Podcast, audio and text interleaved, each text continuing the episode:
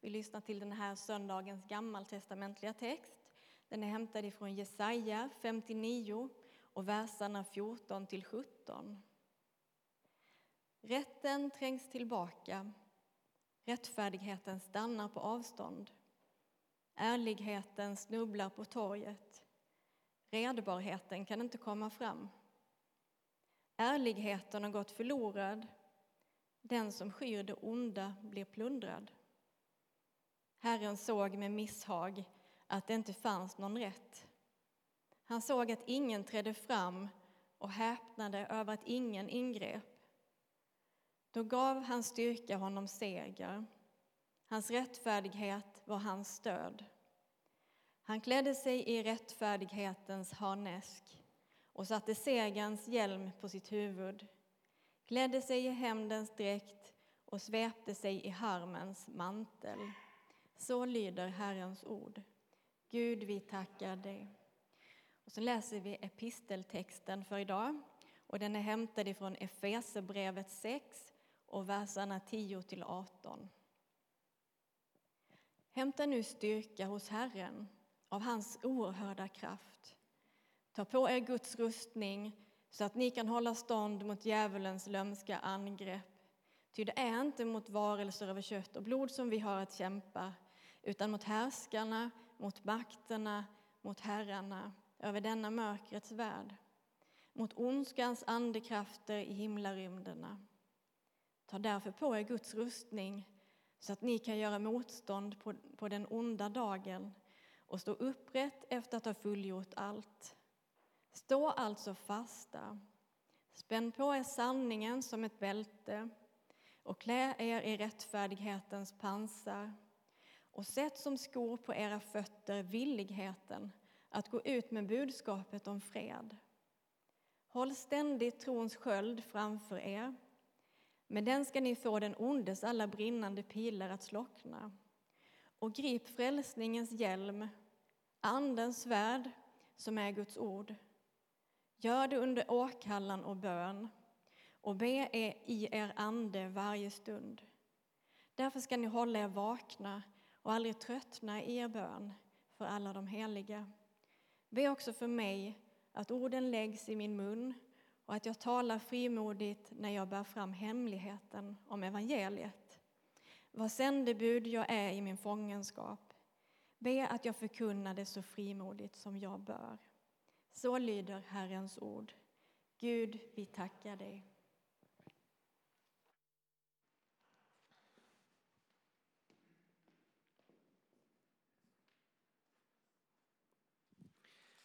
Låt oss nu stå upp tillsammans och få lyssna på dagens heliga evangelium. Så här skriver evangelisten Markus. Mycket folk följde efter och trängde sig in på honom. Och där fanns en kvinna som hade lidit av blödningar i tolv år. Hon hade varit hos många läkare och fått utstå mycket. Det hade kostat henne allt hon ägde, men ingenting hade hjälpt. Snarare hade hon blivit sämre. Hon hade hört vad som berättades om Jesus och nu kom hon bakifrån i hopen och rörde vid hans mantel. För hon tänkte att hon bara fick röra vid hans kläder så skulle hon bli hjälpt. Och genast så stannade blodflödet och hon kände i kroppen att hon var botad från sitt onda. Och när Jesus märkte att det hade gått ut kraft, ut kraft från honom vände han sig om i hopen och frågade Vem rörde vid mina kläder? Lärjungarna sade, du ser väl hur folk tränger på och ändå frågar du vem som har rört vid dig? Han såg sig omkring efter henne som hade gjort det. Kvinnan som visste vad som hade hänt med henne kom nu rädd och darrande fram och föll ner för honom och talade om hur det var. Han sade till henne, min dotter, din tro har hjälpt dig. Gå i frid, du är botad från ditt onda. Så lyder det heliga evangeliet. Lovad vare du, Kristus. Vi är inne i den stora fastan och kyrkoårets tema det är kampen mot ondskan. Under de här första tre söndagarna i fastan så är det kampen som är i centrum. Prövningens stund första söndagen. Den kämpande tron andra söndagen och så nu kampen mot ondskan. Och vi ska nu försöka att sätta oss in i den här kvinnans situation som vi har läst om. Hon har lidit av blödningar i tolv år. Eh, jag har ju inte så mycket erfarenhet av det, det förstår ni. Men på något sätt, menstruationen har inte tagit slut på tolv år. Eh, det fortsätter blöda. Eh, att hon ens lever, tänker jag. Jag kan inte föreställa mig hur det skulle vara. Tolv år av sånt här fysiskt lidande i hennes kropp. Hennes värden i kroppen kan ju inte vara särskilt bra. Men inte nog med det. Det är inte bara nog med det fysiska lidandet utan hon lever också mitt i en kultur där hon har ansetts oren under hela den här långa perioden. Inte bara att hon har fysiskt lidande utan hon är också oren. Det står ju så här i tredje Mosebok 15 att om en kvinna har en blödning som varar flera dagar utan att det är hennes menstruation eller om menstruationen varar onormalt länge då är hon oren så länge blödningen pågår. Oren. Hon är oren, hon får inte röra vid någon för då blir den personen oren. Hon är en fara för sin omgivning. Hon kan inte längre finnas med i gemenskapen på samma sätt som tidigare. Hon är utesluten på något sätt. Hon får inte gå till templet. Vi vet ju inte så mycket om henne, men kanske hade hon familj och barn eh, som hon inte fick röra vid, umgås med. Hon fick inte vara tillsammans med sin man. Hon var dömd av alla i sin kultur. Hon var på ett sätt dömd av Gud. Hon var oren, oren, oren. Och så står det att hon har testat allt som går att testa. Hon hade varit hos många läkare, hon hade fått utstå mycket. Men inget hjälpte, istället så hade det bara gjort saken värre för henne. Ingenting fanns som kunde hjälpa henne. Men så står det här att på något sätt så hade hon fått höra talas om Jesus. Hon hade hört vad som berättats om Jesus, står det. Hon hade fått höra att andra hade blivit helade av honom. Kanske kan han också hela mig. Hennes hopp det är kanske inte ute. Kanske har inte Gud dömt mig. Kanske kan den här gudsmannen på något sätt rädda mig, hjälpa mig. Och jag vill tro att hon har liksom hängt efter Jesus en tid. Och så till slut så tar hon modet till sig.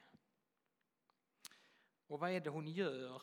Jo, hon trycker sig fram mellan människorna i folkmassan. Alla de här människorna som hon under hela den här långa tiden har bara hållit sig från och som hon inte har fått röra. Hon har undvikit att röra dem. Nu så tränger hon sig fram mitt i folkmassan och så sträcker hon sig efter Jesu kläder. Och när Lukas skriver om detta i sin evangelium så står det att hon sträcker sig, hon rör vid tofsen på Jesu mantel. Och om den här tofsen på manteln, det är en väldigt viktig sak för judarna. Det står om den tofsen också i Fjärde Mosebok. Herren sade till Mose, säg till israeliterna att de och deras efterkommande ska sätta tofsar i hörnen på sina mantlar och i varje tofs en violett tråd. Och när ni ser på de tofsarna som ni har gjort på detta sätt, då ska ni minnas alla Herrens bud och följa dem istället för att irra omkring i den trolöshet som era hjärtan och ögon förleder er till. Ni ska minnas alla mina bud och följa dem och ni ska vara helgade åt Gud. För jag är Herren, er Gud, som förde er ut ur Egypten för att vara er Gud. Jag är Herren, er Gud. Alltså vilken bra grej. Så fort ögat förleder en så påminns de om de här tofsarna som hänger på deras mantlar. Och så påminns de om att ständigt få följa Guds bud. Just det, vi är heliga. Vi ska vara helgade åt Gud. Vi är Guds folk. Han har utvalt oss att vara heliga. Och när man är i Israel eller när man eh, stöter på judar så kan man ju se de här det ser ut som de har liksom skjortorna lite slarvigt utanför. Inte nedstoppade, men man kan se de här tofsarna. Som påminner dem om att de är ett heligt folk, de tillhör Gud och de ska följa lagen till punkt och prickar. Så dessa tofsarna sträcker sig kvinnan efter för att bli helad. Kanske är Gud god mot mig. Och direkt när hon rör vid tofsen, när hon rör vid hans kläder så känner hon hur blödningen stannar. Hon känner liv, hon känner kraft komma tillbaka till henne. Hon känner att ja, jag blev frisk. Värdena börjar bli bättre och hon vet direkt att ja, jag är frisk. Hon kan inte ha, hon kan knappt komma ihåg hur det är att vara frisk. Men hon känner att det funkade. Och vad gör hon då? Jo, då drar hon sig undan så snabbt hon bara kan. Så hon vill inte veta. Hon vill inte att någon ska få veta vad hon har gjort. Så hon försöker gömma sig, hon försöker komma bort från folkhopen så fort hon bara kan. Vad är det hon har gjort då? Jo, hon har tryckt sig in i den här skaran av människor och så har hon gjort alla de där andra orena genom att hon har rört vid dem. Och det som slår mig också när jag läste detta det är att hon vet om att om hon rör vid Jesus så kommer hon göra honom oren. Det är så det funkade.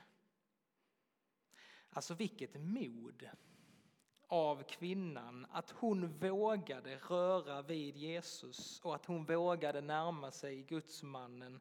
Och när Jesus märkte att det hade gått ut kraft från honom så vände han sig om i hopen och frågade vem var det som rörde vid mig? Och lärjungarna tänker, vad, vad snackar här jättemånga som rör vid dig?